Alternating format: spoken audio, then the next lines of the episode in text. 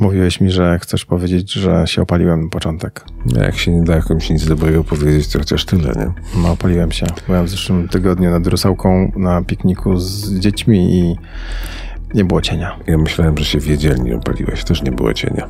W jedzielni też nie było cienia, to tak, tak. To miałem dwa takie dni, kiedy y, rzeczywiście miałeś prawo zacząć od tego, że się opaliłem i chyba tak już będzie teraz do jesieni. Dobrze, opaliłeś się. O, dziękuję ci bardzo za komplement. To, to Za znaczy, darmo, kompletnie mi to wyszło. ja Michałowi nigdy komplementów nie mówię. Ale No, ładnie nie. się opaliłeś. Widać, że okulary nosiłeś. Nie, nie widać. Widać. Nie, a które? No, widać. No nie wiem jakie, ale, ale masz jakie te białe paski na oczach. To- Przestępcom nosiłem. daje się czarny. No dobrze, niech ci będzie. Mam paski na oczach, jestem opalony, zbliża się lato, 28 stopni w długi weekend. No, to Chyba fajnie, nie? e, fajnie, to może byśmy już tak zaczęli, co, co będziemy No zaczęliśmy. Aha, faktycznie. Zaraz, Ale zaczęliśmy To ty nagrywasz? Od bzdur. Zaczyna, zaczęliśmy od bzdur, a dzisiaj będzie... Taki miałem plan, żeby było bez tych smoltoków takich różnych dziwacznych, Ale ja zawsze ci to mówię. Zacznijmy zawsze z grubej rury. No dobra, to, że jestem opalony, to właśnie chyba na tym polega, że to jest gruba rura. Okej, myślałem, że będzie w mojej masie. Czy jeszcze Schudłem. Okej, to naprawdę zacznijmy. Skupiliśmy się na sobie chyba trochę za bardzo. No, Mamy zupełnie inne tematy, Mamy zupełnie- związane. E, powiedziałbym nawet, że z wyjątkiem jednego tematu, który jest bardzo bliski e, mojej duszy, to bardzo się nie skupiamy dzisiaj na sobie, raczej na innych. To który jest y, najbliższy twojej duszy? Nie, no to o podniebieniu powiedziałbym. O podniebieniu. O to który? E, kawowy. A, kawa. Od tego zaczynamy. Kawowy, od tego zaczynamy. E, Zaczynamy od kawy z, i będziemy rozmawiać z człowiekiem, I liczę, że jak trafię z na kawie zębie zjadł. zęby zjadł Tak. i bardzo mu tego zazdroszczę. E, Ale Michał rozmawiał, nie ja, chociaż Tak, e, ja ja, rozmawiałem ja i jestem fanem. kawy. Ja Jestem, jestem fanem. E, jestem tam fanem anonimowym. Popijam Nie znacie? i cenię. Mateusz. Raczej nie. Nigdy się nie przedstawiałem, on mi też nie, ale wiem jak robi kawę. O tym opowie. Jak robi kawę, w jaki sposób mm, potrafi doradzić i odkryć, co lubimy i w jaki sposób sprzedać nam ten napój tak, żebyśmy wracali do niego. A warto. E, dla wszystkich kawocholików polecam. I nie tylko. Tam można wejść, nawet jeżeli się kawy nie lubi. Mateusz zawsze podkreśla, że on jest w stanie przekonać każdego, że kawa jest świetnym napojem i wierzy w to, że jest w stanie to zrobić. No i to jest pierwszy temat. To jest pierwszy temat. Drugi temat to, Drugi temat to. A, to jest temat, który. który jest drugi. Nie Mhm. wiesz. Nie wiem, który jest drugi, ale wiem, z kim ja rozmawiałem. No, Nawet jak nie będzie tak drugi. wiesz. Tak, Widziałem, wiem. że wiesz.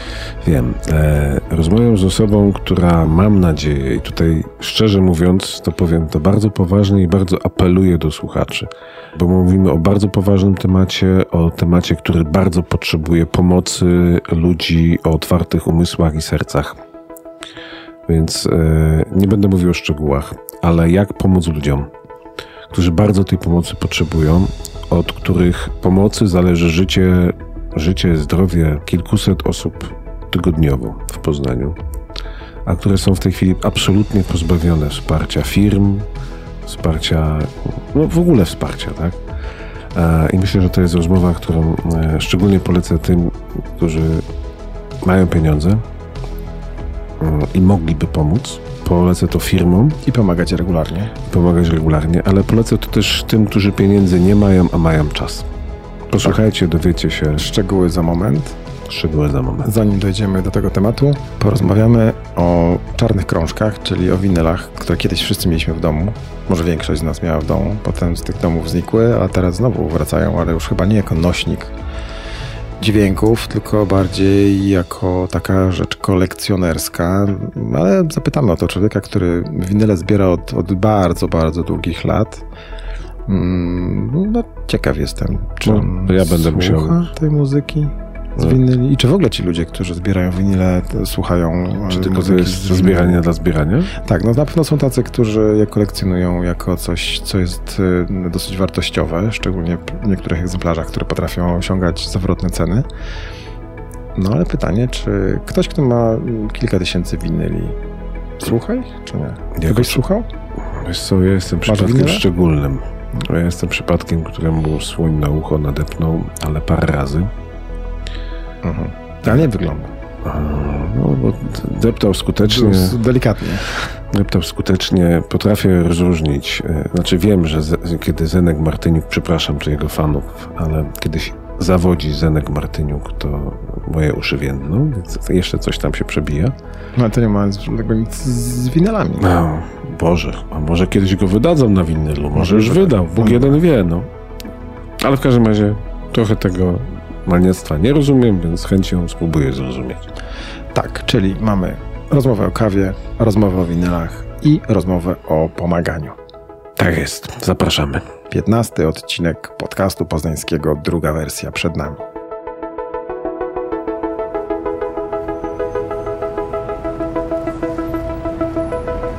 Nagranie i produkcja podcastu szumstudio.pl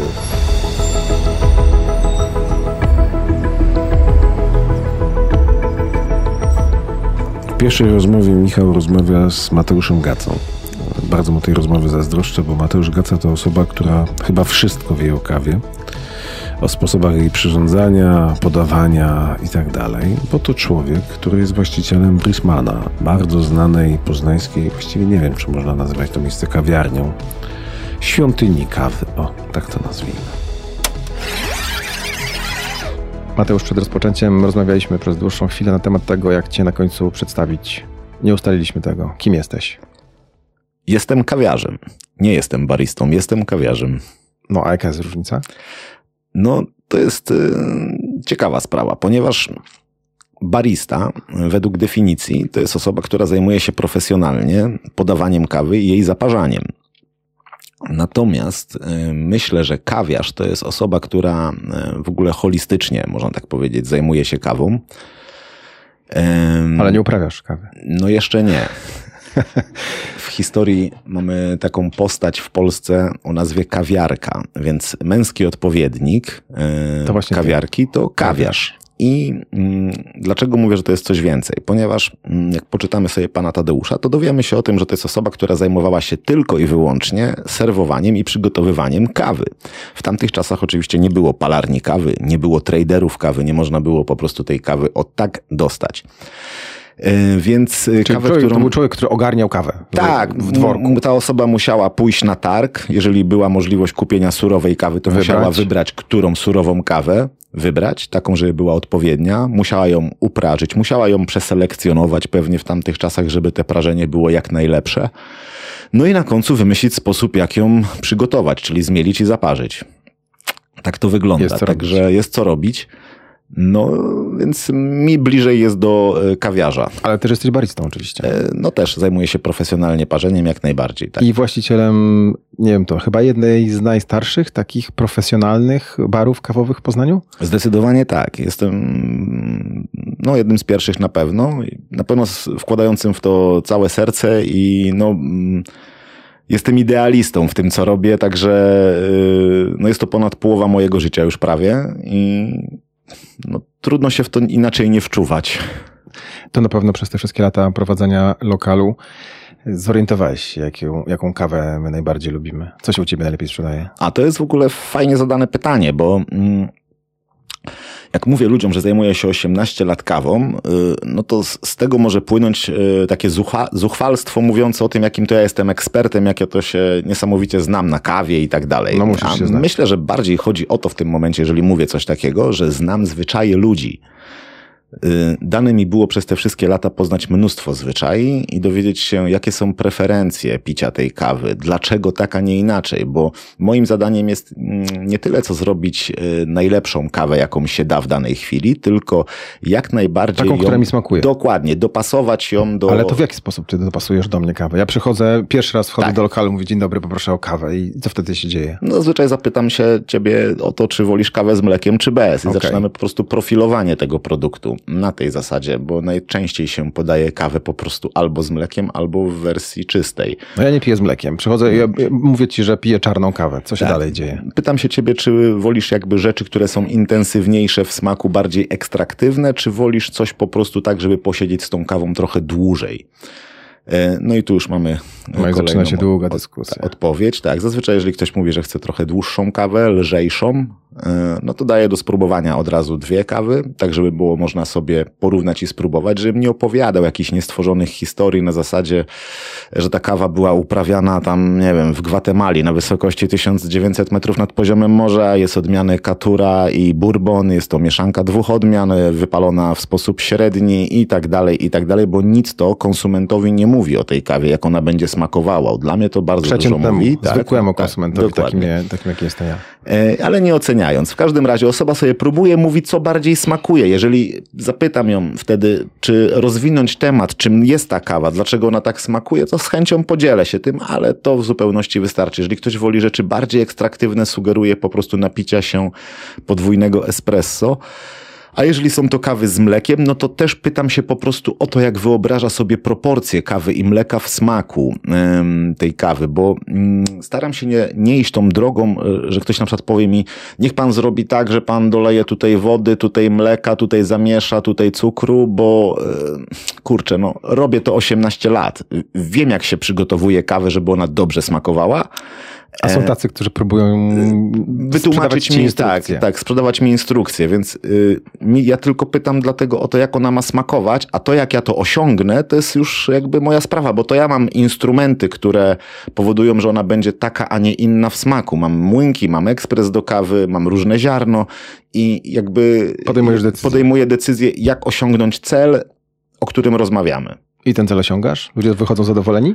Tak, w momencie, kiedy um, dają się przekonać, tak, dokładnie, odpowiedzą na pytania, często czują się zmaltretowani, ja wtedy im tłumaczę, że tak, no to jest no, ciężki proces, myślę. Można było sobie wybrać coś z menu, jasne, natomiast staram się zrobić tobie dzień tą kawą. Mam świadomość tego, że ja siedzę w tym miejscu załóżmy 8 godzin, ale dan dla danej osoby to jest przerwa.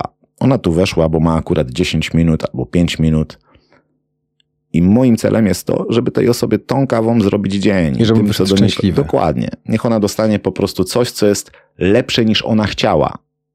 To nie musi być dużo lepsze, niech będzie trochę lepsze. Niech to po prostu będzie coś idealnego. To jest jakby istotą mojej pracy, tak myślę. Jak zmieniają się nasze gusty przez te 18 lat? Czy zmieniły się w ogóle?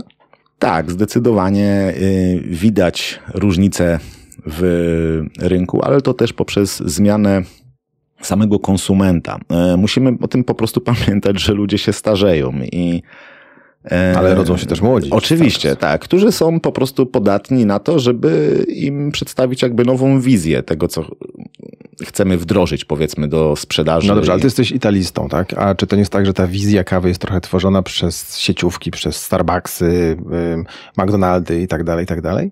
Y, jasne, no nie mają najmoc... wpływu. Zgadza się, oni mają bardzo mocne oddziaływanie, jednak y, obracając się y, w tył o parę lat, widać, jak bardzo wiele sieciówki korzystają z wiedzy, jaką ma tak zwana organizacja Speciality Coffee Asocjacja, bo jest to, można powiedzieć, pewnego rodzaju inkubator pomysłów, poprzez to, że są mistrzostwa baristów, które są totalnie absurdalne, bo lecą gdzieś w kosmos i jakby to, co tam się dzieje, nie ma żadnego przełożenia na rzeczywistość, w jakiej żyjemy, jeżeli no chodzi no, o picie kawy. No oczywiście, że tak. Chociaż założenia były inne kiedyś.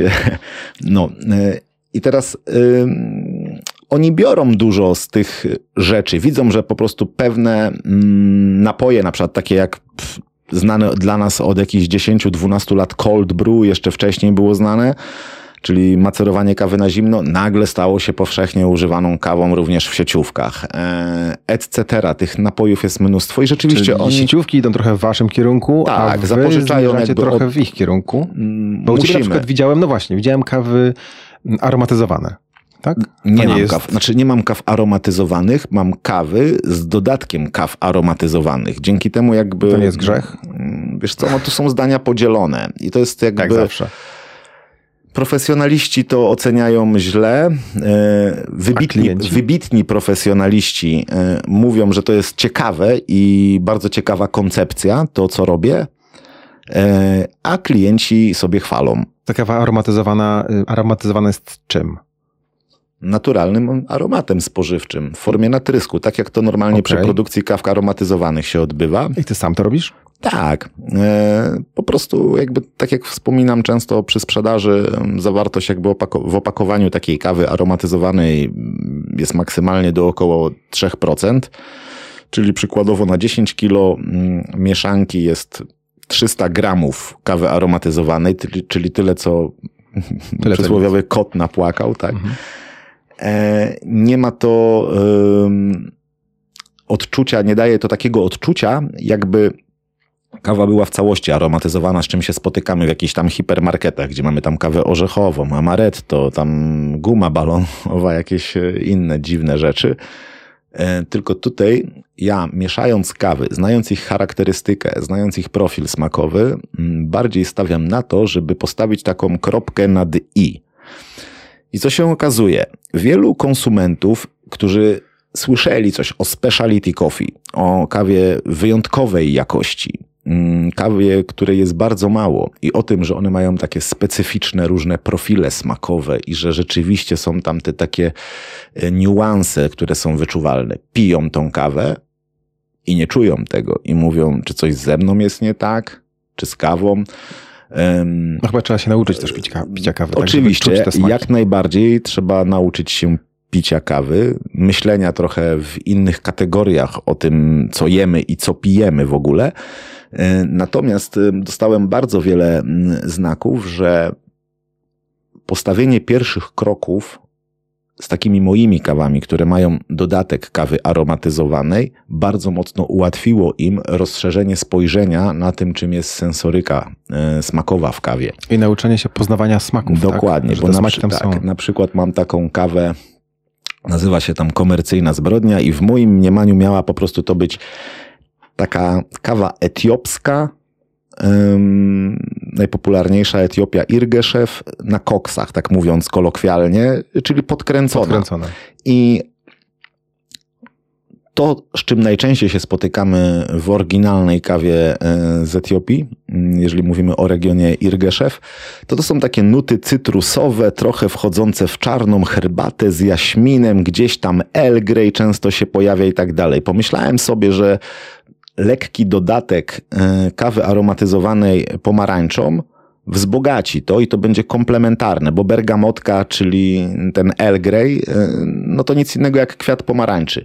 I rzeczywiście, e, w momencie, kiedy ludzie zaczęli pić tą kawę, Zaczęli wyczuwać. zaczęli to, co powinni wyczuwać to, co powinni wcześniej. wyczuwać, a potem odejmując im te spektrum właśnie dodatku, dając im czystą Etiopię Irgeszew, bez problemu e, odnajdowali te same smaki. Także po prostu było to czymś naprowadzającym. Natomiast cały segment jakby baristów pracujących w Polsce przykładowo, czy na świecie, jeżeli chodzi o speciality coffee, to są ortodoksi, to są ludzie, którzy y, nie piją kawy rozpuszczalnej, nie badają obyczajów picia kawy w różnych nacjach, w różnych narodach i tak dalej.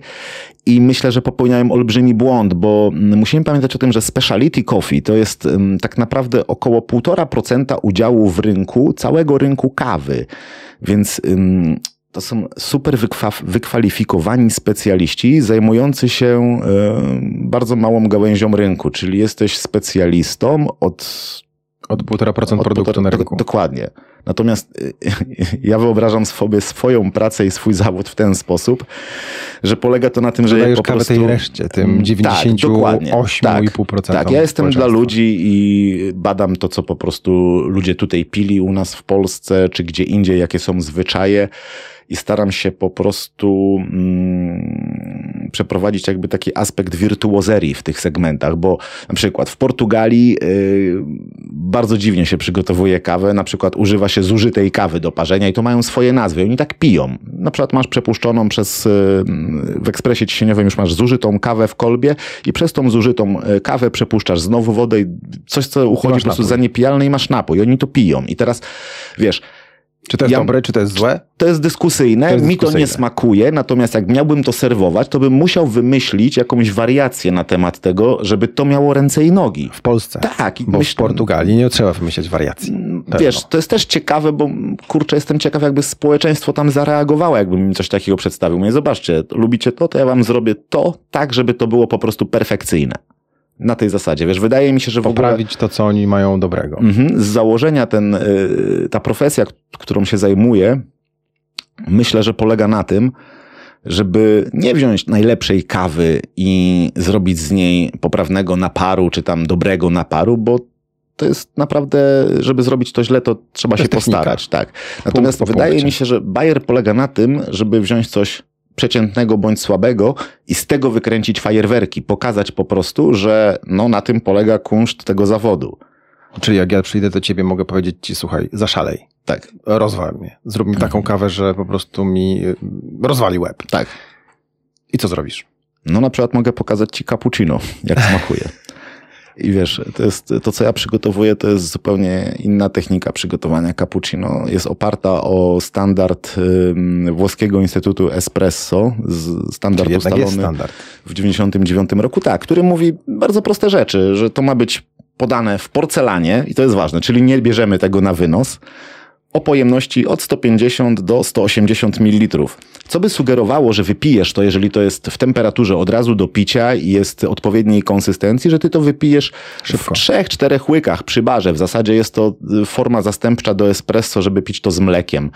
I masz to się składać z jednego espresso. I to espresso powinno być dobrze wyczuwalne. No i ja na przykład mam taką technikę przygotowania tego, że nie używam dyszy z parą wodną do spieniania mleka, tylko froteruję to mleko ręcznie.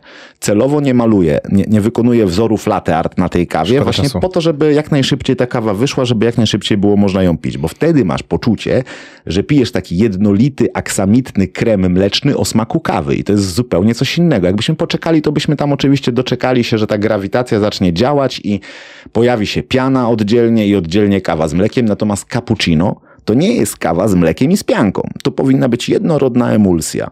No i mało kto o tym wie. Wiesz, w kawiarniach zazwyczaj jest tak, wchodzisz, mówisz poproszę espresso i słyszysz od y, obsługi proszę usiąść, podamy do stolika. Dla mnie to jest po prostu Strata niewyobrażalne, bo ja chciałem tylko wejść, wziąć kawę, wypić ją i pójść dalej. To jest cały fan dla mnie z bycia w danej kawiarni, że ja sobie zostawiam oglądanie tych wszystkich rzeczy w tym miejscu na później. Jak będzie mi tu fajnie, to ja będę wracał i będę sobie to dalej oglądał. Niech A mi to taki trochę niepolski pomysł na, Oczywiście, na, na kawę, nie? no bo my jasne. musimy wejść, Tak, u posiedzieć nas- przy u nas kawie, tradycja- gazetę, wziąć czytnik. Trad- tradycja u nas y, picia kawy wywodzi się w Polsce z domu. I, i, I to i mamy, trwać. I mamy takie coś. Ym, To jest ciekawe, bo mamy trudne czasy. W 2000 mniej więcej tam 10 roku zaczął się zmieniać na plus rynek y, kawowy w mojej ocenie, dlatego dużo ponieważ palarzy się pojawiło. to też, ale mm, duża ilość osób, która parę lat wcześniej wyjechała e, w celach zarobkowych na wyspy czy gdzie indziej, zobaczyła, że mm, żyje się nie w domu, tylko poza domem. A wcześniej nauczono nas wydawania pieniędzy, dano nam kredyty, różne możliwości finansowania swoich potrzeb. No i oczywiście wszyscy z tego korzystali. A teraz mamy regres w drugą stronę. Najpierw była pandemia, która nauczyła nas siedzenia w domu, zlikwidowano nam nawyk przebywania poza domem. Ze swoim własnym ekspresem. Dokładnie, jakkolwiek. W każdym razie kupujemy ziarno, ewentualnie i mielimy je w domu i tak dalej, albo tam robimy tak, jak robiliśmy wcześniej. W każdym razie druga rzecz to jest teraz temat związany z finansami. Mamy inflację, zaciskanie pasa, czyli oduczamy się wydawania pieniędzy. Czyli to są dwie rzeczy, które wpłyną na, na, na najbliższe parę lat jako regres e, całej e, zabawy, powiedzmy Nie będziemy pić kawy. kawy w kawiarniach? Zdecydowanie Mniej. mniej. Jest już dużo gorzej w tej chwili. Dlatego ceny w kawiarniach zaczynają osiągać jakieś, yy, no nie takie jakby pułapy, jakie powinny być, no bo A ile powinno kosztować e, espresso? za espresso w- powinno kawiarni? płacić się jedną monetą. Przychodzę, kładę 5 zł i ciach, co nie? To po prostu powinna być jedna moneta w mojej jakby takiej, yy, w moim wyobrażeniu. Czyli jedno Podczas- euro mniej więcej. tak, dokładnie, więc to, co mamy dzisiaj, że to espresso kosztuje około 10-11 zł, e, to jest dziwna kwestia. Ale nie da się inaczej. Nie da się inaczej, bo jest za mały popyt tego produktu. Jakby ludzie u nas nie chcą pić espresso, jak wiadomo, bo to się kojarzy z czymś, co jest mocne i wykręca, jak to się mówi, mordę.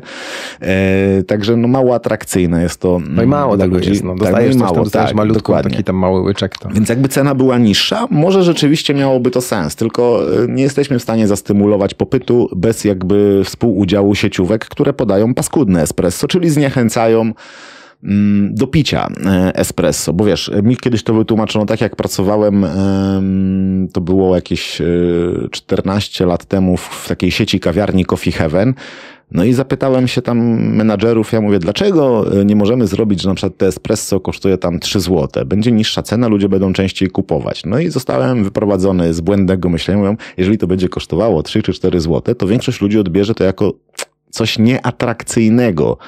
Skoro jest tanie, to pewnie jest niedobre. No to weźmy, idzie raczej- weźmy coś droższego, bo pewnie jest lepsze. No to idzie w drugą stronę. Ja teraz kupując kawę, nie wiem, średnią na stacji benzynowej tak. czy gdziekolwiek, dostaję taki kubek, że z którym czasami trudno sobie poradzić. No tak, dokładnie, zgadza się. Ale to chodzi o to, żebym ja się dobrze czuł, że dostałem za moje pieniądze dużą ilość czegoś. Oczywiście, oczywiście, że tak. Przecież to, to jest e, klasyczny taki mechanizm sprzedażowy, prawda, że mm, Małe pieniądze, dużo opakowanie. duża porcja, tak, dokładnie. Czy Espresso nie jest dla Polaków.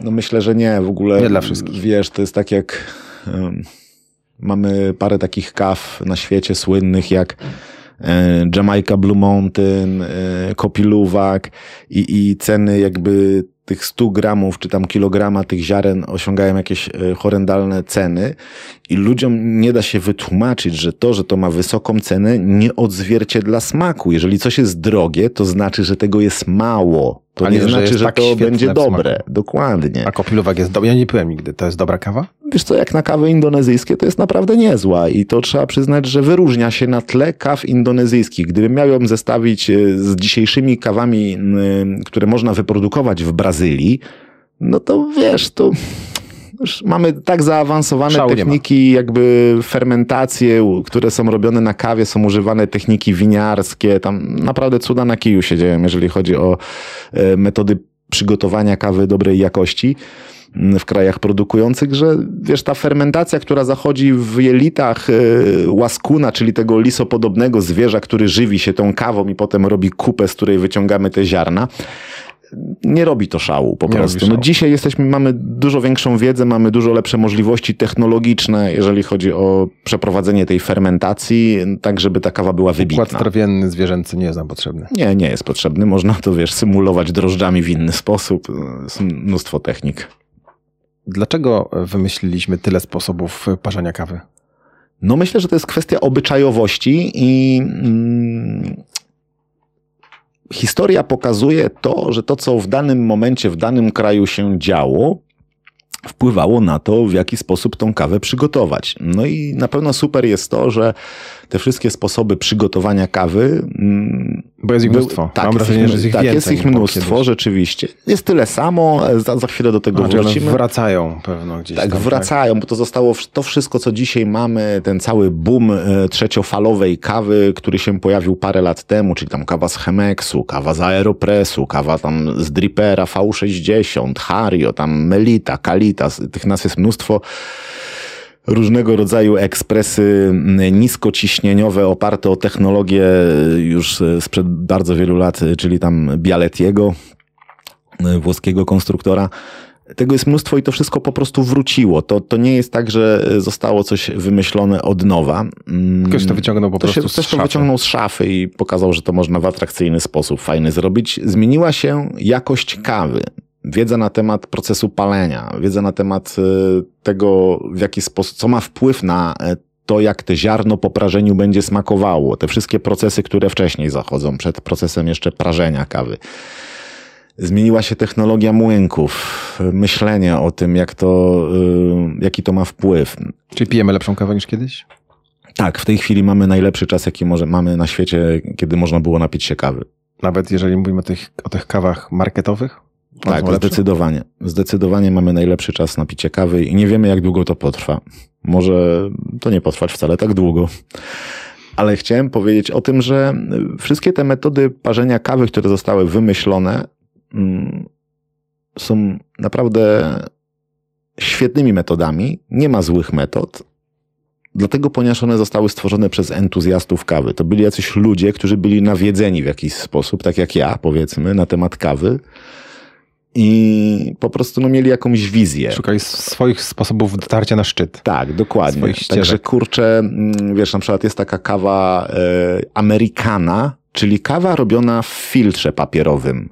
Bądź jakimkolwiek innym filtrze, ale to chodzi o filtrację. Ekspres przelewowy. I ekspres przelewowy automatyczny, który po prostu przelewał w odpowiednim tempie wodę przez zmieloną kawę wymyślił taki gość jak Benjamin Thompson i to był nieźle nawiedzony gość w Ameryce. I jest taka kawa jak Americano. I to są zupełnie dwie inne rzeczy. Americano to jest y, espresso z dodatkiem gorącej wody. I na przykład dla mnie serwowanie americano jest czymś przykrym, ale nie dlatego, że to źle smakuje, bo naprawdę każdy ma prawo pić kawę jak mu smakuje. Ja nie będę tego serwował z prostego powodu. To jest e, zwyczaj tak picia. poproszę? Tak, wiesz dlaczego powiem ci, bo to jest zwyczaj niefajny. To nie ma nic fajnego z mm, tej takiej mm, miłości płynącej do jakby kawy i zajawki związanej z tym, e, ponieważ to jest wymysł e, powstały podczas II wojny światowej. Dla mnie wojna nigdy nie będzie czymś fajnym. To są smutne rzeczy, to są przykre historie jednostek ludzkich, i Amerykano jest właśnie czymś takim, bo wiesz, ja nie uważam, ja, ja sobie nie wyobrażam, że wchodzi Amerykanin do włoskiego baru z kawą i on mówi po włosku, że on poprosi teraz kawę z gorącą wodą. E, Bo nie zna włoskiego. Jest e, w pewnym sensie okupantem, bo tam oni byli, wiesz, e, na misji pokojowej, prawda, wyswobadzać e, Włochów z nazizmu. No niemiła sytuacja. E, No, w Ukrainie dzisiaj też ma wyzwalanie z nazizmu. I, I wiesz, to się mi z tym kojarzy po prostu, że jakby sytuacja nie jest miła. Dlaczego ją kultywować? Wiesz, jak spojrzymy na to, co, jak to wygląda we Włoszech, no to mm, espresso kosztuje powiedzmy te euro, a americano kosztuje tam trzykrotnie więcej, czyli płacisz trzy razy więcej za wodę gorącą. Wiesz, dla mnie to jest y, jakby prosty sygnał. Ktoś wystawia mi środkowy palec i mówi, tu przyjechałem Ale zobaczyć, chcą, co... Tak, dokładnie. No pewnie, co nie, to zarobimy na waszej głupocie. To tak trochę brzmi, wiesz, yy, nie wiem dokładnie jak to jest, ale daje mi to takie wyobrażenie o tym, co się dzieje w takim momencie. Także tak mówię, fajne są te różne metody parzenia kawy. mm, Nie ma lepszej, nie ma gorszej. Nie ma- tak, Trzeba próbować. Tak, mamy swoje upodobania, zgadza się. Czyli próbujmy pić kawę z różnych e, urządzeń, różnych metod, różnych sposobów. Zgadza się. Tak. Zgadza się. One mają oczywiście jakieś tam swoje mm, pewne założenia e, prowadzące do tego, żeby uzyskać jak najlepszej jakości ten napar kawowy, ale finalnie przecież to i tak e, opiera się tylko i wyłącznie na tym, czy nam to będzie smakowało, czy nie. Czyli wchodzimy do kawiarni, prosimy o dobrą kawę i wtedy oddajemy się w ręce baristy, człowieka, który nam tą kawę robi. No tak by było najlepiej, aczkolwiek e, kurczę, no. Ale nie zawsze Ja, tak ma, ja mam taki, wiesz, dysonans poznawczy względem tego, co yy, widzę w różnych miejscach, w różnych kawiarniach, co się dzieje. No nie można od każdego, kto pracuje w kawiarni, wymagać tego, żeby był super entuzjastą i pasjonatem tego, co robi. Z drugiej strony też, żeby ten entuzjazm i ta pasja nie była przytłaczająca dla kogoś, kto do nas przychodzi na tą kawę. Bo czasami po prostu chcemy wejść, kawy i dokładnie, dokładnie. Także no jest to, wiesz... No, trzeba szukać. Złożony instrument. Najlepiej znaleźć po prostu takie miejsca, do których lubimy chodzić i tam chodzić. I wracać. Dokładnie. Dziękuję Ci bardzo za rozmowę. Znowu, Dziękuję bardzo. Znowu zadałem tylko trzy pytania z z całej listy, którą e, miałem przygotowaną, ale rozmawiało się doskonale. Moim gościem był Mateusz Gaca, kawiarz, właściciel e, baru kawowego Brisman przy Mickiewicza. I na końcu jeszcze zadam Ci jedno takie krótkie pytanie. Mm, Było dosyć ciężko się z Tobą umówić, bo pracujesz nad specjalnym projektem. Możesz coś powiedzieć, dwa słowa? Czy to jeszcze za wcześnie? To jest jeszcze za wcześnie, ponieważ y, czekam na różnego rodzaju decyzje. Dobra, nie mówimy. Kończymy. Dziękuję Ci bardzo. Do zobaczenia i do usłyszenia, bo no, e, pewno o kawie jeszcze możemy długo, długo porozmawiać. No przynajmniej połowę mojego życia. Do usłyszenia. Do usłyszenia. Dziękuję.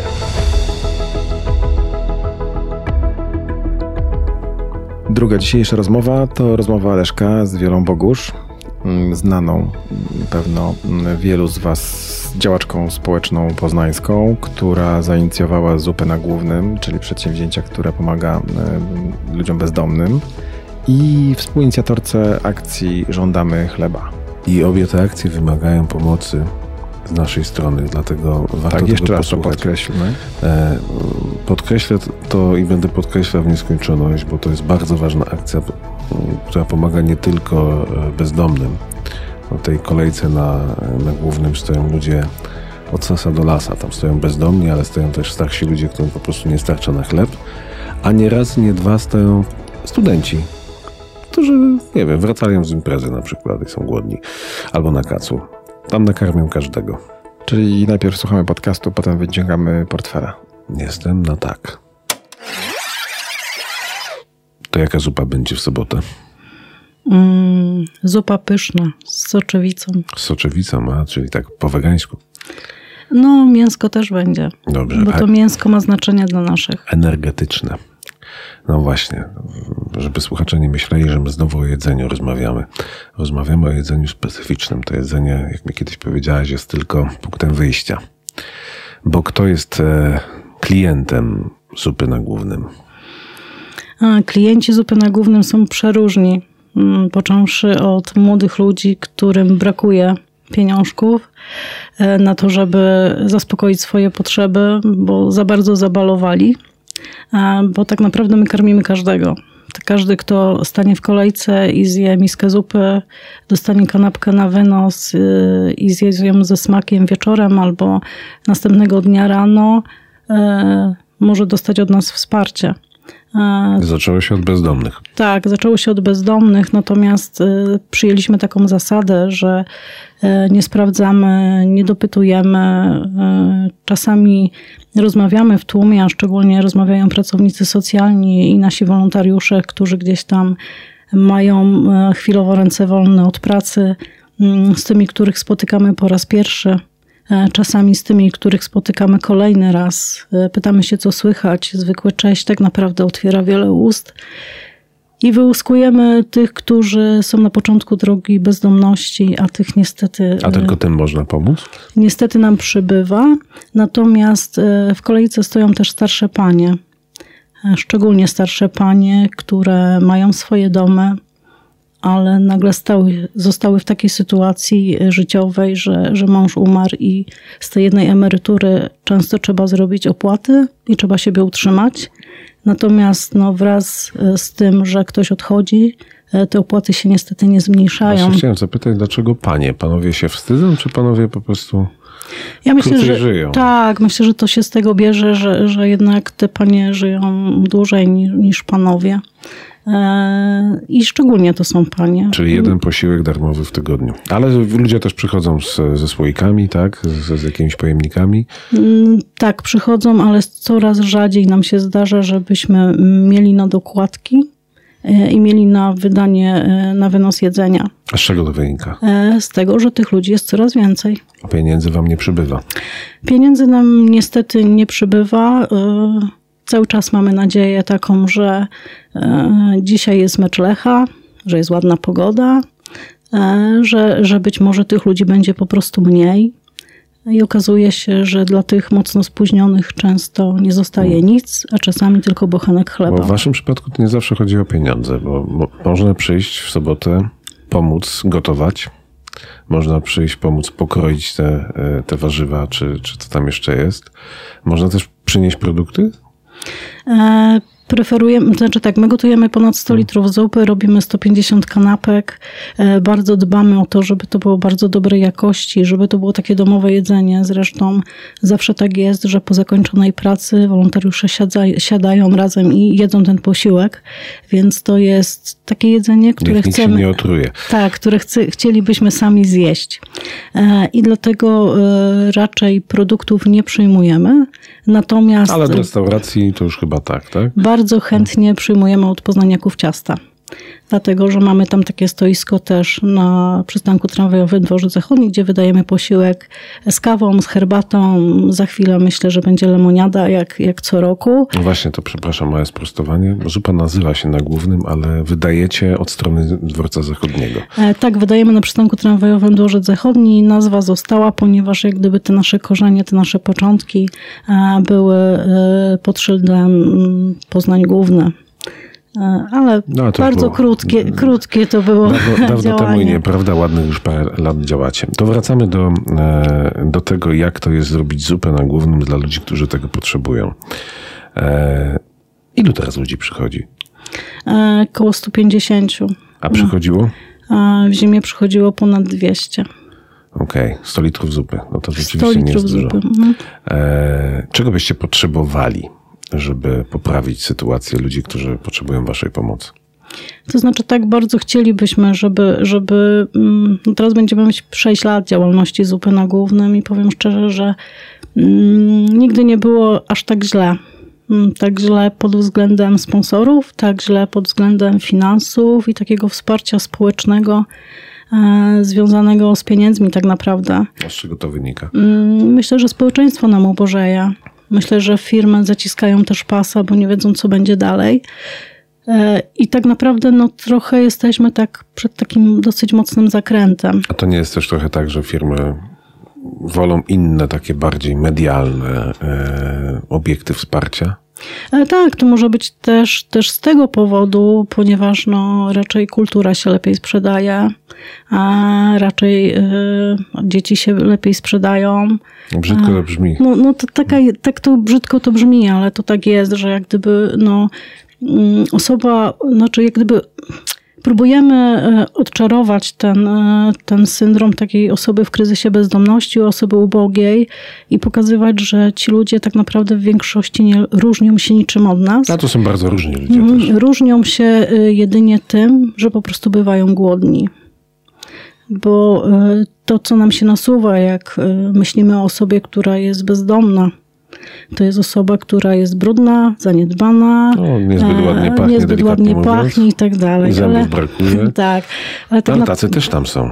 Tacy też tam są, mm, tylko że to jest tak, że, że próbujemy znaleźć człowieka w człowieku, e, że e, próbujemy go na nowo zbudować, ale nic się nie wydarzy bez jego udziału.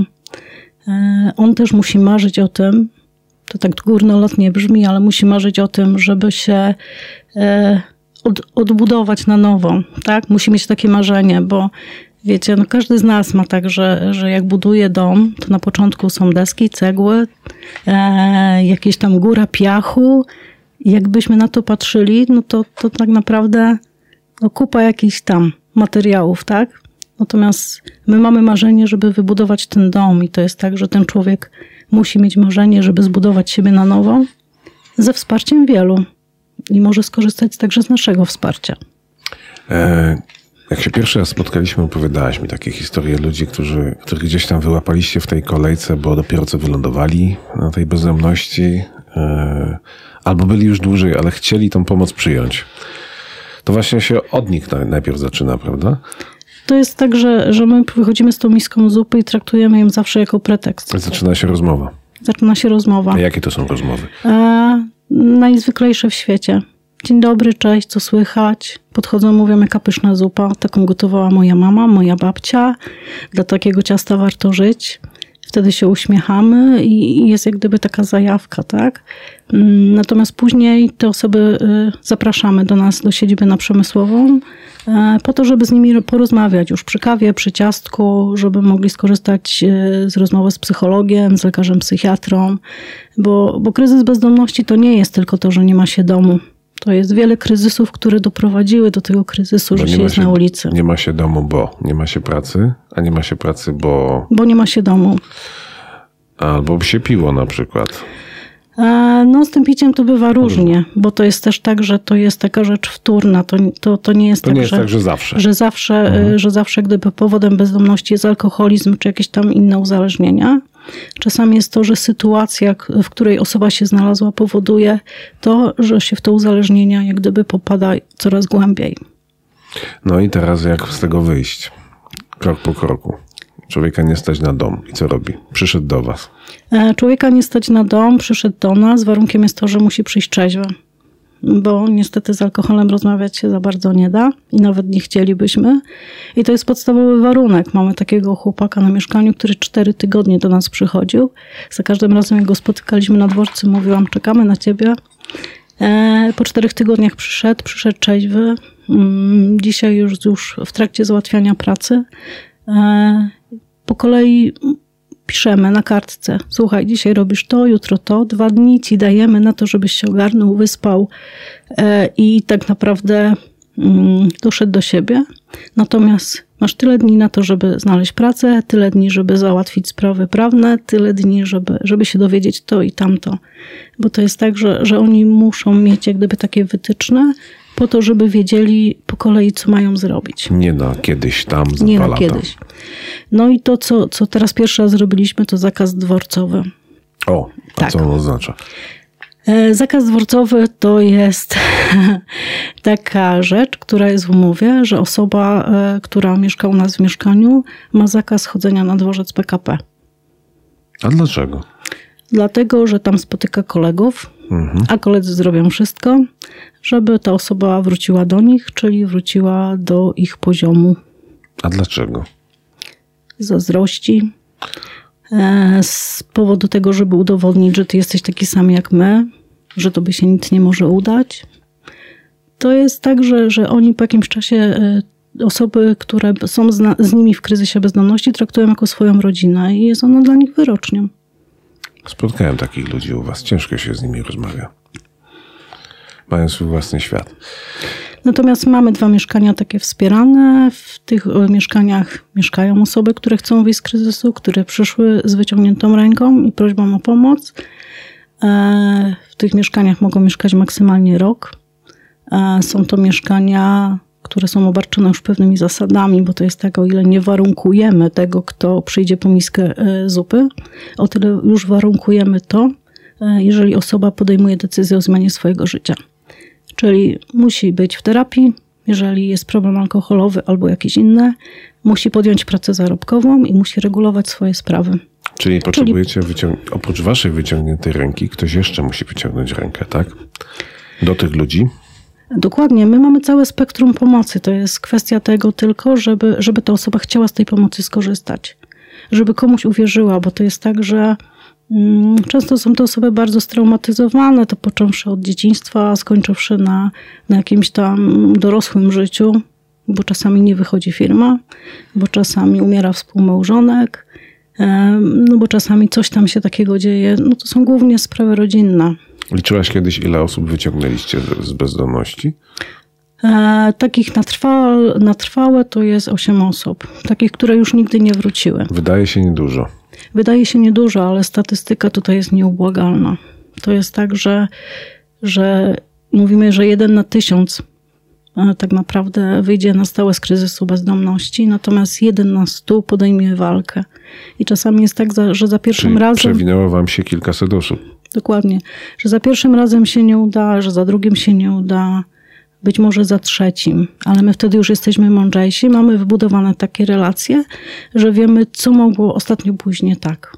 No tak, ale stale pomagacie też tym, którzy czy nie mogą, czy nie chcą, czy nie potrafią wyjść z bezdomności i tak im pomagacie. Czyli co tydzień jest ta zupa, co tydzień jest ta zupa z wkładką, e, z jakimś tam ciastem, kawą, herbatą. E, zimą były też e, specjalne, nie wiem, czy to można nazwać namiotami dla, mhm. dla bezdomnych, te takie budowle, które potrawały, pomagały przetrwać na mrozie. No bo to jest tak naprawdę redukcja szkód bo czasem, bo my już, to znaczy zdajemy sobie sprawę wszyscy, którzy pomagamy takim osobom, które są w kryzysie bezdomności, że nie da się pomóc każdemu. Natomiast zawsze można zredukować szkody. I te namioty termiczne to tak naprawdę była redukcja szkód. Mogliśmy to... mieć ileś zamarzniętych, odkrytych tak. później zwłok tej zimy? Chyba nie było ich. E, były na początku w listopadzie, natomiast rzeczywiście później e, nie słyszeliśmy o takich przypadkach. No dobra, to wracamy do tego, jak pomóc tym, którzy pomagają. E, bo zdaje się, że macie katastrofalny rok e, i e, nawet te mieszkania, które dzisiaj są przejściowe, to tak na dobrą sprawę bez pomocy z zewnątrz, możecie ich nie mieć, tak? Mhm. To znaczy, nam się wydawało zawsze, że jak przeżyliśmy pandemię, to już nic gorszego nas spotkać nie może że, że wtedy był taki trudny czas i dla wolontariuszy, i, i dla zaangażowania, i kombinowania, jak to, to jedzenie dostarczyć, żeby to było bezpiecznie, bezkontaktowo i tak dalej. A naszym sukcesem jest to, że, że nie było soboty, w której nie wyszliśmy z tym jedzeniem. Znaczy tak myśleliśmy, no. dzieliliśmy się na grupy, żeby z tym posiłkiem wejść, bo wiedzieliśmy, że są osoby, które tego potrzebują, a osoby w kryzysie bezdomności miały wtedy tak naprawdę bardzo, bardzo źle, bo dopiero po jakimś czasie powstały e, takie izolatoria, gdzie oni mogli przed pójściem do schroniska w tych izolatoriach być, natomiast no, dworce były pozamykane, galerie były pozamykane, e, było jeszcze dosyć zimno, jak to się wszystko zaczęło. E, I dlatego postanowiliśmy, że no, staniemy na rzęsach tak naprawdę, żeby z tym posiłkiem wyjść. ale zaangażowanie społeczne było te, wtedy na tyle duże, że, że byliśmy w stanie te posiłki przygotować bez najmniejszych problemów takich związanych z finansami. Każdy chciał pomagać. Dokładnie. Mm, wojna w Ukrainie spowodowała to, że przez półtora miesiąca telefony milczały. To, to, to było coś takiego, że, że nagle no, skupiliśmy wszystko w jedno miejsce i swoje środki, i, i zasoby finansowe, i, i pracę wolontaryjną. E, po dwóch miesiącach dopiero coś tam drgnęło. Natomiast no, ten rok jest bardzo trudny.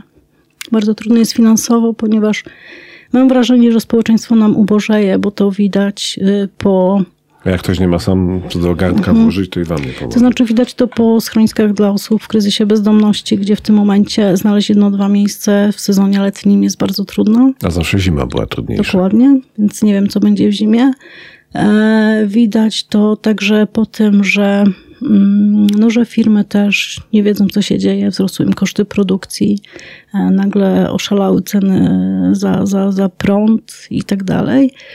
No i... Czyli ostatnie, co robi firma, to jest patrzeć na to, że może komuś to znaczy zwalnia, zwalnia pracowników i jak gdyby rezygnuje z takich działań związa związanych z CSR-em, aczkolwiek to jest tak, że no, pracownicy tej firmy robią wszystko, żeby gdzieś tam zaistnieć, żeby ten wolontariat istniał, natomiast no, nie idą za tym finanse, które pozwalałyby nam po prostu przetrwać. Bo z tego co widzę, to w soboty dalej do Was przychodzą ludzie, dalej pomagają, dalej kroją, wynoszą, przenoszą. E, ta zupa jest ugotowana i, czeka na Was te kilkaset ludzi w, sobotę, aż przyjedziecie i zaczniecie rozdawać. E, no ale właśnie te środki się kiedyś wyczerpią. No to teraz tak po kolei. Czerwiec to zawsze dla Was e, też okres, kiedy rusza akcja Żądamy Chleba. Dokładnie. E, to jest akcja, która. Ja tu przepraszam, że tak trochę mm. za ciebie mówię, ale trochę o tym wiem, więc sobie streszczam. E, żądamy chleba to akcja nawiązująca do haseł poznańskiego czerwca, e, który właśnie pod między innymi takimi hasłami szedł w czerwcu 56 roku. Wróciliście do tego prosząc ludzi o pozytywne nastawienie, o wspomaganie pieniędzmi waszej akcji, bo z tych pieniędzy w trudnych okresach możecie sobie między innymi tą zupę na głównym przygotowywać, tak? Mhm, dokładnie. I w tym roku idzie kiepsko. No, idzie tak jak większość zbiórek teraz niestety idzie. Nie ma porywu serca.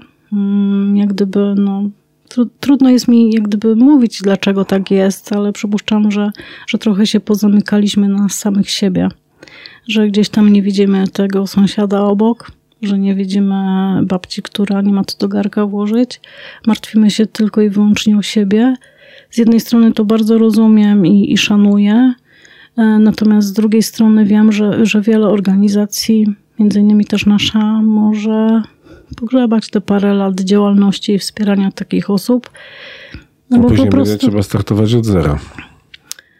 No nie bardzo jest nawet od czego startować, bo jeżeli tak naprawdę, no możemy nie wyjść z posiłkiem. No wiecie, to, to jest wszystko tak, że, że to wszystko, co poukładaliśmy, to się taką w logiczną całość układa. To znaczy tak, wychodzisz z posiłkiem, masz siedzibę, do której możesz człowieka zaprosić, masz mieszkanie, które możesz mu dać po to, żeby na nowo wystartował, tak? No i to jest takie, takie koło, które się zatacza. To nie jest tak, że, że wychodzimy z posiłkiem, a dalej rób sobie co chcesz, tak? Jeżeli jesteś gotowy, jeżeli chcesz, to, to wiesz, że jest takie miejsce, do którego możesz przyjść i uzyskasz pomoc taką, na jaką jesteś gotowy. Natomiast no, w tym momencie z czego mielibyśmy zrezygnować? Jeżeli zrezygnujemy z posiłków, no to okej, okay. no ale i tak za siedzibę mm, nie płacimy, bo na szczęście mamy lokal bezczynszowy, ale ale, ale, prąd, dwa, ale 2100 za, za ogrzewanie e, miesiąc miesiąc płacimy, aczkolwiek bardzo oszczędzaliśmy i tak trochę się łudzimy, że, że jak będzie rozliczenie z liczników, to, to, to jednak trochę tej, tych pieniędzy nam się zwróci i nie będziemy przez jakiś czas płacić. No, ale... Ja to też robię przerwę, bo ci, którzy nie byli w siedzibie zupy na głównym, to proszę Państwa, to nie jest siedziba e, pełna marmurów. No. To jest e, bieda siedziba, to, to jak patrzę. barak w, podwór, w podwórzu bloku, tak można powiedzieć, mm. na poznańskiej Wildzie. Tak. Ale bardzo życzliwie traktowane przez sąsiadów, z tego co wiem, bo też bardzo dbało się o, o to, żeby okolica wyglądała dobrze, schludnie i nie, nie była uciążliwa. No ostatnio nawet y, ostam, ostatnim sumptem y, nanieśliśmy ziemi, posadziliśmy kwiatki i, i zapłaciliśmy za to 150 zł, za te, za te materiały, za tą ziemię i za te kwiaty i tak ktoś mi powiedział, no słuchaj, nie masz pieniędzy, a wydajesz 150 zł, nie?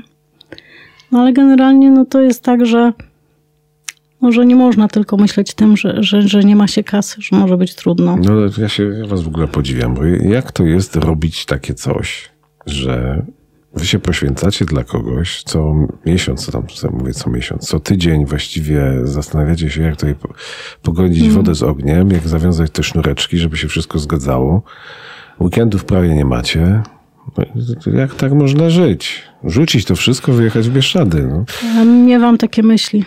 Natomiast, y, natomiast szybko mi przychodzą. Ja mówię, że ja nie lubię być w depresji i moja depresja to jest jednodniowa, kiedy przykrywam się kołdrą, oglądam głupie filmy, odmurzacze na, na, na Netflixie. I idziesz pomagać. Tak, i, i wieczorem stwierdzam, że dobra, poczekajcie, ja wam jeszcze pokażę, nie? Ale, ale myślę, że, że każdy ma też swoją wytrzymałość, że, że to jest tak, że Depresja nie bierze się z tego, że człowiek jest słaby, tylko że za długo był silny. W związku z tym trzeba też się jakoś przed tym bronić i no jeżeli trzeba będzie odpuścić, to po prostu odpuścimy. Będzie no to, trudno. To może was trzeba na plakaty wyciągnąć, żeby się zrobiło głośno o zupie na głównym, o żądamy chleba, o ludziach, którzy wam mogą pomóc, tylko wystarczy chcieć. To co, apelujemy do nich? A dokładnie. Proszę Państwa, bardzo poznańska inicjatywa. Bardzo z tym Poznaniem związana, z hasłami Poznania i bardzo pomagająca ludziom, którzy są niewidoczni dla systemu, dla innych, na których nie chcemy patrzeć, a których jest coraz więcej i którzy bardzo potrzebują pomocy. Jak Wam pomóc? Mamy zbiórkę internetową na Pomagam, pomagam.pl, łamane Żądamy chleba 2023, oczywiście bez polskich znaków. Zupa na głównym ma też stronę e, na Facebooku. Mamy stronę na Facebooku, tam można znaleźć wszelkie informacje. Żeby się ratować, prowadzimy bazarek, mm, w którym sprzedajemy różne przedmioty podarowane przez poznaniaków e, po to, żeby, żeby no trochę podreperować ten budżet. E, można nam przynosić ciasta, zawsze potrzebujemy odzieży, zawsze potrzebujemy butów, więc jeżeli ktoś by robił jeszcze przedwakacyjne porządki, to zapraszamy. Jeżeli ktokolwiek ma jakikolwiek inny pomysł na to, żeby nas wesprzeć, mój telefon jest czynny 24 godziny na dobę. A jak ktoś nie ma pieniędzy i nie ma darów, to może to się może, zgłosić, żeby... Tak, może przyjść z nami poobierać, Proszę 30 Państwa, kilo ziemniaków. Zapewniam, że te dwie godziny na obieraniu mijają szybko. Ciekawe Dokładnie. rozmowy przy tym stole się toczą. Dokładnie, także że zapraszamy jako wolontariusze, mm, bo, bo praca mm, wolontaryjna będzie nam bardzo potrzebna, szczególnie teraz w okresie wakacyjnym, kiedy nie mamy, e, nie będziemy mieć prawdopodobnie zbyt wielu uczniów. No a ci ludzie o 17.30 czekają w kolejce, która no, ciągnie się do rozsuwanych drzwi i, i zawsze tylko wjeżdżam i mówię, tak, i mówię, ojejku, znowu tyle osób.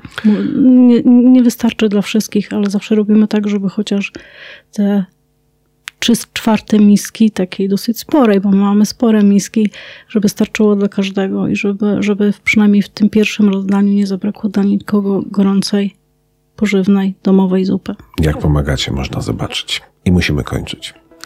Dziękuję. Dziękuję. Wszystkiego dobrego. Moim Państwa gościem była Wiola Bogusz, zupa na głównym.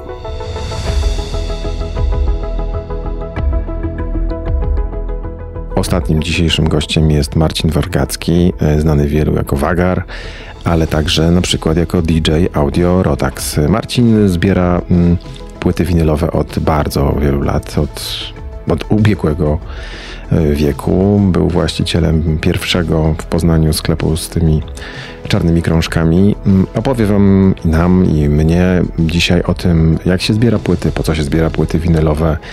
Trochę o tym, jak się ich słucha i że ta miłość do winyli wcale nie jest taka prosta i wymaga trochę wysiłku fizycznego. Posłuchajcie.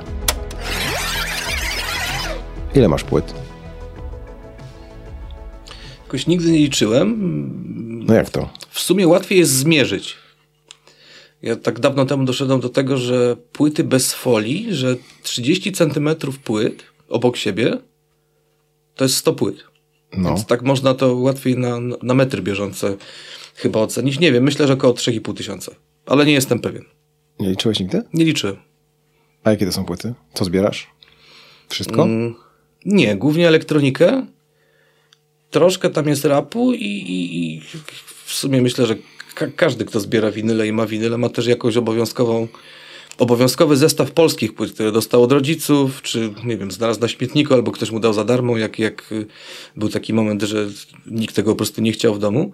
Ale tych płyt jest niewiele, głównie, głównie elektronikę. Jesteś kolekcjonerem czy inwestorem? Nie, Bo ja tego To nigdy jest nie- różnica, nie? To jest różnica. Ja tego nigdy nie traktowałem jak, jak, jak inwestycję. Mało tego, w, w jakichś tam gorszych czasach chyba około tysiąca swoich płyt sprzedałem za bezcen. Nie polecam, nigdy tego nie róbcie. A w gorszych czasach dla ciebie, rozumiem. E, Tak, finansowo Czy dla gorszych. E, Dla płyt też. E, Nie, ja, ja, ja, ja, ja nie traktuję tego jak inwestycję. Ja płyt, płyt używam, słucham, dbam o nie mniej lub bardziej, ale nigdy nie myślę o nich w kategoriach inwestycji. Nigdy. A masz takie płyty, które mogą być inwestycją? Tak. Jest na przykład płyta z wytwórni, jak się nazywa ta wytwórnia? Nie wiem, czy to jest 24-7. Ona na Discogsie stoi za jakieś 400 euro. Ja uważam, że cena jest kompletnie od czapy. Yy, Jakbym tyle za nią dostał, to bym ją oczywiście sprzedał. Discogs to jest serwis do wyceny płyt E, Raz, że do wyceny. Przede wszystkim jest to y, największa na świecie baza danych. Tam są kasety, są kompakty. Ten, wszystko, co wyszło z jakiejkolwiek tłoczni, ludzie umieszczają to prywatnie. To jest w dobry sposób też weryfikowane i w zasadzie większość płyt, znaczy z muzyki popularnej to w zasadzie 100%. Jest tam. I, i, I to są tak szczegółowe informacje, że na przykład, nie wiem, jeżeli, dajmy na to, masz płytę Depeche Mode, no to powiedzmy było 20 tłoczeń. Każde to tłoczenie jest tam umieszczone. Jest opisane i wycenione. Tak, ze zdjęciami, ze wszystkim. y, Wyceny tak, jak najbardziej. Yy, Ale to są takie szacunkowe, rozumiem. To nie jest tak, że są mocno spekulacyjne. mocno spekulacyjne. A są mody na przykład na jakieś płyty, które kiedyś były tańsze, a teraz są droższe i raptem się okazuje, że masz rzeczywiście jakiegoś białego kruka. Tak, na przykład polskie płyty, które jeszcze 3 lata temu nie były warte 50 zł, a dzisiaj sprzedają się po 6, 8, yy, 9 stów. yy. Czyli co, trzeba szukać, przeszukiwać strychy. Czy to już za późno? Czy już są Nie, to nie jest za późno. Ja myślę, że tych płyt polskich jest jeszcze, z, z, z, są, są nieprzebrane ilości. Yy, I, i, I prawdopodobnie w ogóle większość posiadaczy tych płyt nawet nie wie, że je ma. I tak, oczywiście szukać. Póki te płyty są coś warte, bo moim zdaniem to się w którymś momencie musi skończyć. A masz takie płyty, których nie chciałbyś mieć, których chciałbyś się pozbyć, ale na przykład... Oj, dużo. Tak? Takich, y, tak, takich e, zakupów pod wpływem emocji to jest naprawdę, myślę, że spokojnie 20% tego, co mam. No i czemu je trzymasz? Dlaczego one jeszcze są u ciebie? Bo ja sobie kiedyś postanowiłem, że już nigdy nie sprzedam żadnej swojej płyty. E, Nawet jeżeli to są rzeczy nietrafione, to, to jest, ja to traktuję jak pamiętnik. Że to jest taki żurnal, dziennik. y, Nie wiem, kupiłem ją 5 lat temu, y, czułem się tak i tak, y, byłem w takim i takim nastroju, podobało mi się wtedy, niech tak zostanie. Czy każda płyta to jest jakaś taka kartka z Tak, pamiętnika? tak, tak, tak, tak, tak, tak. Tak, tak bym to traktował. A ten tysiąc płyt, o których mówisz, które poszły, to też były kartki z pamiętnika? Były. Były, była też jeszcze gorsza historia. Jakby nie chciałbym opowiadać szczegółów, bo one się chyba z, za bardzo nie nadają. Natomiast y, mm, skradziono mi też około 150 płyt mm, w dość nieciekawych okolicznościach. y, Że było śmieszniej, było tam sporo płyt. Ja mam dużo płyt podpisanych, po prostu robię na nich tagi swoje markerem. I te płyty się pojawiły w internecie i tak dalej. E, No ale dobra, mniejsza o to. Natomiast śmieszne jest to, że czasami płyty, których się pozbyłem 15 lat temu, jest na przykład w Poznaniu taki sklep mojego serdecznego przyjaciela y, y, Filipa Wejmana Vinylgate, że zdarza mi się, że znajdę płytę, którą sprzedałem 15 lat temu u niego i ją sobie odkupię. Za więcej, czy za mniej? Różnie. To nawet nie o to chodzi. To, to, to, to nie jest to, że za więcej. W każdym razie śmieszny jest ten mechanizm, że ja się tego kiedyś pozbyłem, a teraz bym to chciał mieć z powrotem i to się czasami udaje. I to jest centralnie, konkretnie moja płyta. Ten, ten, ten, ten egzemplarz. Z twoimi dodatkami. No. A co się stało takiego, że raptem wszyscy zaczęli y, kupować i zbierać płyty winylowe? To chyba nie jest tylko inwestycja. Sentyment? Bo ty zbierasz płyty już od dawna, nie? Mhm. Mm. Kurczę, a dlaczego ludzie od, od jakiegoś czasu jeżdżą na przykład na starych holenderskich rowerach. To jest ten sam mechanizm? Myślę, że tak. Jaki? To nie ma jakiegoś racjonalnego wytłumaczenia. Ja myślę, że po prostu prze, przejęliśmy się pewnymi formami. e, Tym, że wszystko było tak bardzo dostępne i w ogóle to, mm, płyta to jest coś, co bierzesz do ręki, e, patrzysz na okładkę, to ma swój zapach. Nawet ten kurz na płycie, nawet to, że ona czasami y, strzela i tak dalej. Sam proces tego, że co 20 minut musisz podejść do gramofonu i tą płytę obrócić. Myślę, że są ludzie, dla których to jest wartość. A dla ciebie? Ty słuchasz tych swoich płyt? Ostatnio coraz rzadziej. Dlaczego? Z lenistwa. Nie chce się wstawać co 20 Nie chce mi minut. się wstawać co 20 minut. Eee, A, ale myślę, że głównym mechanizmem, znaczy nie wiem, to, trudno mi to określić, ale wydaje mi się, że to jest w dużej części moda. Były ostatnio jakieś tam badania, eee, no bo winyl od 3 czy 5 lat ma niesamowite wzrosty sprzedaży, które nie miały miejsca od 30 lat. I okazuje się z tych badań, że 50% y, kupujących płyty nie ma gramofonu w domu. Więc tak, albo to jest na półkę, albo to jest w prezencie. No chciałbym wierzyć, że w prezencie, że ludzie są tak szczodrzy, szczodrzy dla siebie, że kupują sobie płyty. Mm, No, ale wydaje Przeczytali, że to dobra inwestycja. przeczytaj, że to dobra inwestycja. Mnie się wydaje, że po prostu ludzie chcą mieć, e, że w płycie fajne jest właśnie to, że to jest fizyczne. Że masz z tym kontakt, możesz tego dotknąć, możesz to sobie na półce postawić. e, Że znudziły nam się pliki, że znudził nam się e, digital. Ja tak uważam. A czy sprzęt jest ważny w tym wszystkim? Tak. Na jakim sprzęcie ty słuchasz swoich płyt? Każdy Ja- ja kolekcjoner mam- na pewno chętnie się pochwali. Ja mam od czego 20 korzysta. paru lat parę gramofonów Technicsa, to są gramofony DJ-skie, no bo takich potrzebuję. Y, Te gramofony są pancerne i, i, i są tak naprawdę idiotoodporne, ale jeżeli ktoś chce słuchać muzyki na poważnie i wyciągnąć z winylu y, najwięcej jak się da, no to zaczynają się schody i zaczynają się pieniądze. A co znaczy wyciągnąć z płyty najwięcej jak się da? Sam proces kalibracji gramofonu. To jest tak. E, kupujesz sobie nową wkładkę. Musisz mieć Wkładkę, szablon. czyli to coś, gdzie jest igła. Tak. Musisz to zamontować w ramieniu. Nie możesz tego zrobić na oko. Potrzebujesz mieć szablon. Taki szablon można ściągnąć za darmo z internetu i go sobie wydrukować. Do, Jak zrobisz- każdego, do każdego gramofonu jest osobny szablon, tak? Czy to jest uniwersalny? Za każdym razem, jak wkręcasz nową igłę. Do, do każdego jest taki sam. Bo to chodzi o błąd kątowy. Im bliżej ramię jest środka płyty, tym bardziej igła jest po skosie. Brzmi gorzej i z drugiej strony niszczy ci też płytę. E, także tak, masz najpierw dwie godziny zabawy z wkręcaniem igły. Wcześniej musiałeś ten gramofon wypoziomować, czyli musisz mieć poziomicę, najlepiej dwie. E, No i miejsce, gdzie to będzie stabilnie stało. no i miejsce, gdzie to będzie stabilnie stało. E, Szafka betonowa. Nie. No byleby to nie była jakaś płyta paździerzowa. Znam takich, co potrafią postawić gramofon na, na wzmacniaczu. No, nie wiedzą, co tracą być może. Jak ktoś chce y, pójść w to troszkę głębiej, no to musisz mieć osobny przedwzmacniacz gramofonowy. Znowu pieniądze. I tak dalej, i tak dalej. Szczoteczki, yy, czyściki do płyt. Yy, w którymś momencie yy, myślę, że każdy kupuje myjkę do płyt. No to tak, możesz kupić myjkę za 400 albo za 25 tysięcy.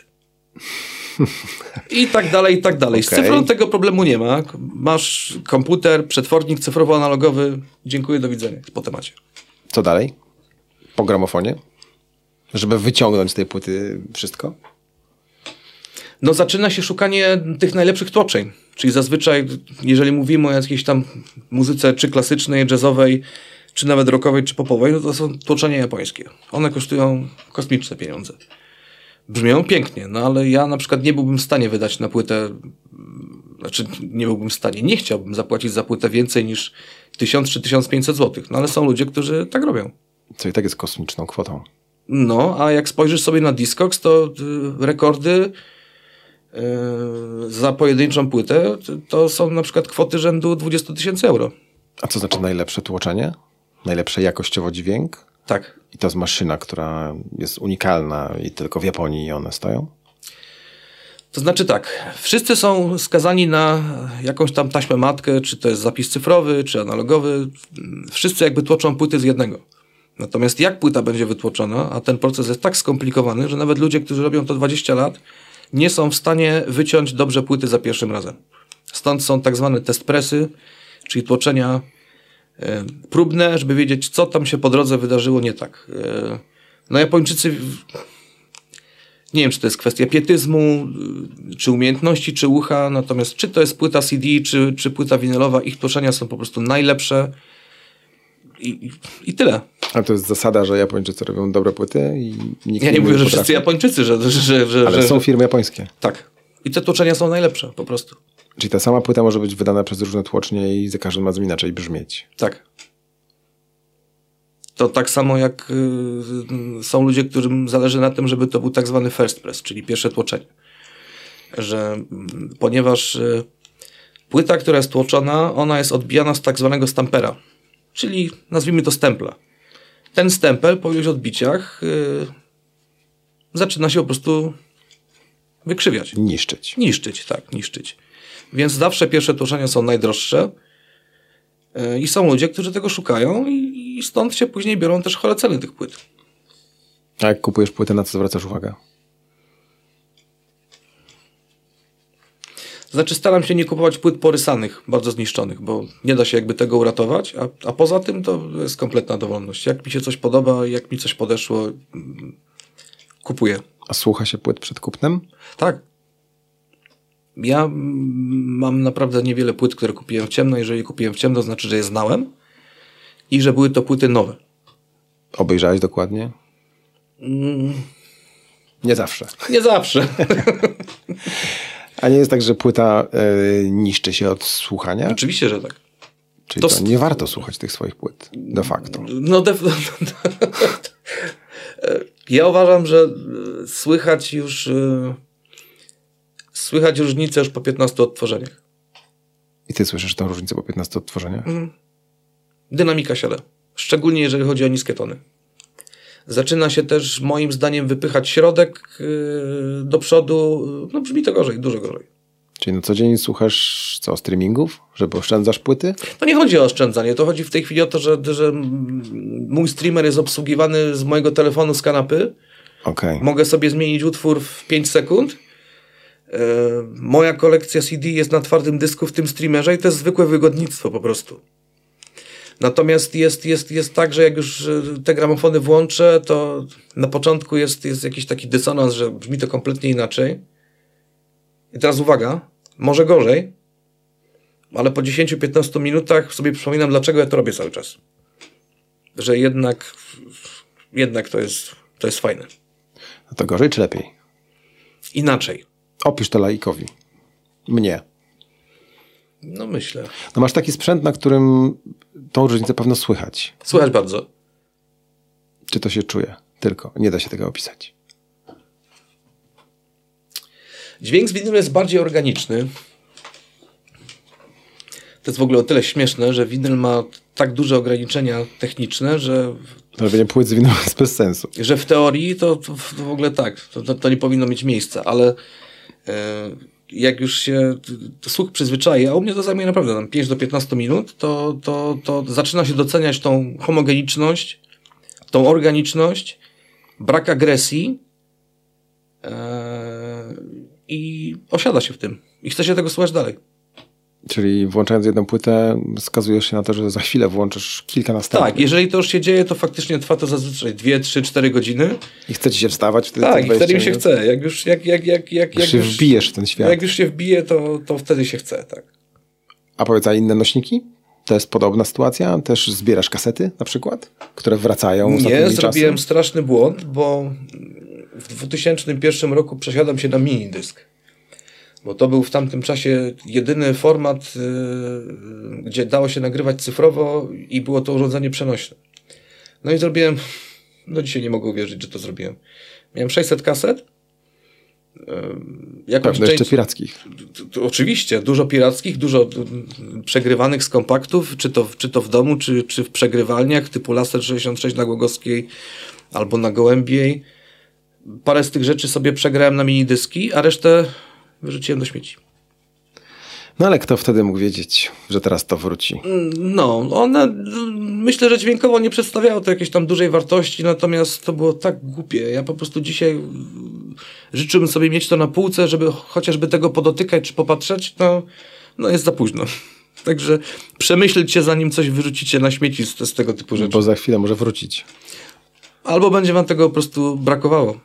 A jak myślisz, e, mm, co się stanie z twoją kolekcją za jakiś czas? Ona będzie rosnąć? To jest tak, że Będzie. zacząłeś, to już nie, Nie, skończysz? to jest, to jest nauk.